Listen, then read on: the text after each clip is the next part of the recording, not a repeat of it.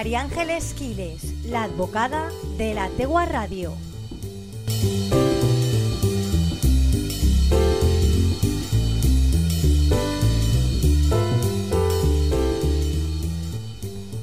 Muy buenas tardes, Elia. Eh, os voy a contar una curiosidad que me he encontrado y que bueno, me ha parecido bastante interesante y por eso os la, quería comentar. Me la he encontrado eh, preparando precisamente este programa y es que he visto que un compañero eh, ha instado un procedimiento ante el registro civil en virtud de una sentencia del Tribunal Supremo de 2021 que servía precisamente para salvaguardar un apellido español en peligro de desaparición. Os cuento el asunto. Bueno, deciros también que al contrario de lo que pasa en el mundo anglosajón, donde el cambio de apellido goza de cierta facilidad, en nuestro ordenamiento jurídico dicha posibilidad se ve muy mermada por los requisitos que la legislación vigente establece, puesto que la determinación de los apellidos no solo fija el fiel derecho a la identidad, sino también la filiación del sujeto, es decir, de quién es hijo lo que es una cuestión que debe competir y preocupar a los poderes públicos. Bueno, en este eh, ámbito hay una sentencia reciente del Tribunal Supremo, la 629 de 2021, de 27 de septiembre, que precisamente ha llevado a cabo el compañero que os he dicho, y es que lo que, en un asunto propio, lo que pretendía es salvaguardar su apellido materno, y ha supuesto un antes y un después a la hora de determinar la posibilidad y requisitos en una cuestión de calado, que es salvar un apellido español en peligro de extinción. Algo que sí que venía recogido en un artículo de la ley de 1957 del registro civil, que ya ha sido derogada, y que sigue recogiéndose en, la ley del registro civil del 58, que sí que está en vigor. El punto de partida es un apellido en, peligro evidente de desaparición. En este caso se trataba del apellido Bacelar con V. Con B existen alguno más, 250 personas con, dicha, eh, con dicho apellido, pero precisamente con V eh, no existía y es un apellido que ha ido transitando eh, a, través de la familia durante 300 años. Bacelar era el apellido es el apellido segundo, el apellido materno, del compañero que insta esta, demanda y consigue la, cita de sentencia. venía a decir que Bacelar, como primer apellido, solamente hay nueve personas y como segundo apellido, entre los que se encuentra el compañero, había once, es decir, 20 españoles con dicho apellido, de los que solamente nueve podían transmitirlo por ser el primero, es decir, por llevarlo por rama paterna. Lo que sobre una población, decía el compañero, de 46.500.000 españoles, pues resultaba a todas luces pues un apellido que podía ser eh, pues fácilmente mm, que, podía desaparecer. Eh, lo primero que se planteó este compañero era alterar sus apellidos, es decir, poner su apellido, el apellido de su madre, como primer apellido suyo, para que así su hija recién nacida pudiera tener como primer apellido el segundo apellido de él, que pasaba a ser el primero.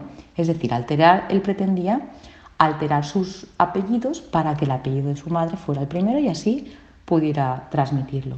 Pero claro, con la edad del compañero, que en ese momento tenía 37 años, pues suponía unos graves prejuicios a la hora de, bueno, le perjudicaba muchísimo eh, a la hora de tener que cambiar todos los expedientes que estuvieron abiertos con su nombre, todos los trámites que tuviera que hacer, documentos de identidad, pasaporte, partida de nacimiento, bueno, un ingente trabajo cuando eh, lo valoró, pues no le resultó atractivo por las dificultades que entrañaban luego para él. Y sin embargo, sí que exploró la posibilidad de unir los dos apellidos de él para poderlos pasar a su hija. Él se llamaba Rodríguez Bacelar. Entonces lo que quería era que, su hija tuviera como primer apellido todos sus apellidos, es decir, Rodríguez Bacelar como primer apellido.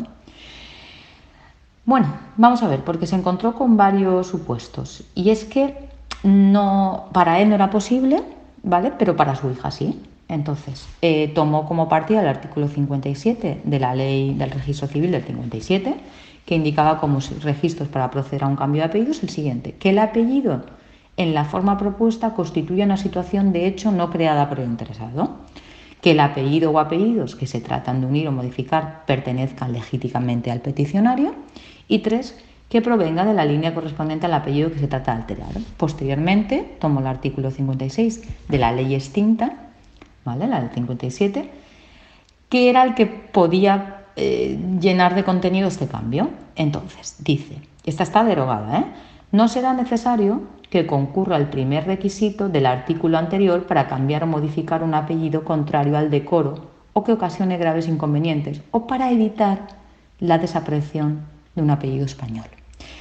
El primer artículo, ¿qué decía? El primer punto del artículo 57, ¿qué decía? Que el apellido en la forma propuesta constituye una situación de hecho no creada por el interesado, con lo cual este requisito no lo cumplía porque él une los apellidos para poder transmitirlos. Pues bueno, según el artículo de la ley derogada, sí que podía hacerlo. En cuanto a los artículos 205 y 208 que recogen el mismo extremo citados, debiéndose, él decía que debiéndose traer a consideración el artículo 206 que indica los cambios pueden constituir, pueden consistir en segregación de palabras, agregación, transposición o supresión de letras o acentos, supresión de artículos o partículas, traducción o adaptación gráfica o fonética de las lenguas españoles y en sustitución, anteposición o agregación de otros nombres o apellidos o parte de apellidos u otros análogos dentro de los límites legales. Bueno, pues todo este guirigay viene resumido de la primera manera. El primero de los requisitos no era exigible en, virtud del artículo 58 que os he dicho y el 208 de de la actual toda vez que el riesgo de desaparición del apellido era muy evidente, quedando por probar en todo caso que se trataba de un apellido español. Por esa razón, el compañero solicitó una certificación del INE, importante para acudir a las, a las dependencias y obtener dicha certificación, unió un informe encargado por una empresa de servicios de genealogía, dice, esto es lo que dice el compañero, que realizó un profundo estudio de búsqueda documental en la que se acreditó y concluyó que Bacelar con V surgía en la genealogía del padre, encontrando prueba documental que lo acredita en el año 667, 1667, perdón, en la zona de la Ribera Sacra Gallega. Por ello se recurrió a los certificados de nacimiento y matrimonio, y allá donde no llegaba el registro civil, eh, hizo uso de las partidas canónicas de bautismo y matrimonio y allá donde no llegaba, como decía, que databan de 1800, bueno, perdón, que me estoy confundiendo, estoy leyendo al mismo tiempo. Bueno, pues se basó en el registro civil y después en las partidas canónicas de bautizo y matrimonio que pudieran encontrar en documentos provenientes de archivos históricos, incluso de catastro de Ensenada y Centro Documental de la Memoria Histórica. Es decir, consiguió acreditar que Bacelar era un apellido de Génesis española que llevaba más de 300 años implantando en España en su familia. En su informe tardó dos meses en elaborarse y el coste no fue muy excesivo, eso es lo que dice el compañero. El segundo requisito se cumplía eh, enteramente, puesto que pretendía unir dos apellidos, Rodríguez y Bacelar, que como quedó acreditado en los certificados de nacimiento aportados, pertenecían legítimamente al peticionario, que era esa persona. Entonces, unió Rodríguez y Bacelar. Y el tercer requisito, se cumplió igualmente de manera completa, ya que los apellidos que resultaban después del cambio no provenían de la misma línea. Después del cambio, el nombre y apellidos completos de la menor sería nombre de pila de la menor, Rodríguez Bacelar, más primer apellido de la madre, de manera que el primer apellido Rodríguez Bacelar y el segundo provenían de líneas diferentes, totalmente diferenciadas. En el primer caso de la línea paterna, al ser la unión de dos apellidos del padre, y en el segundo caso de la línea materna, al ser el primer apellido de la madre. Por lo tanto, se cumplía el requisito. Pues nada, eh, puestos así, el compañero lo que hizo es instar el correspondiente expediente y consiguió que el juzgado le eh, diera la razón. Sin embargo, se desestimaron las primeras pretensiones en una primera sentencia y le dijeron que no podía invertir el orden de los apellidos por no cumplir la vía elegida constituida porque se correspondía a un fraude de ley. El apellido resultante no era igual que el que se pretendía salvar al ser compuesto. Esto es lo que dijo la, primera sentencia, lo cual parecía bastante lógico. No, no iba a salvar Bacelar porque lo que transmitía era Rodríguez Bacelar.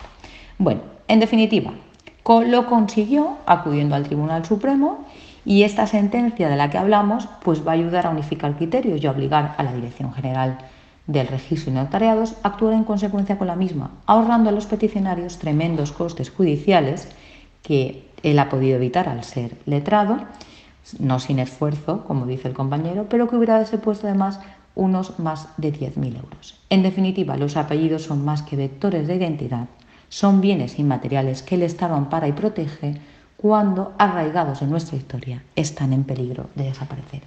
Así que todos aquellos que tengáis un apellido en peligro de desaparecer, ya sabéis cómo podéis transmitirlo a vuestros hijos. Un saludo y nos escuchamos el próximo viernes. María Ángeles Quiles, la de la Tegua Radio.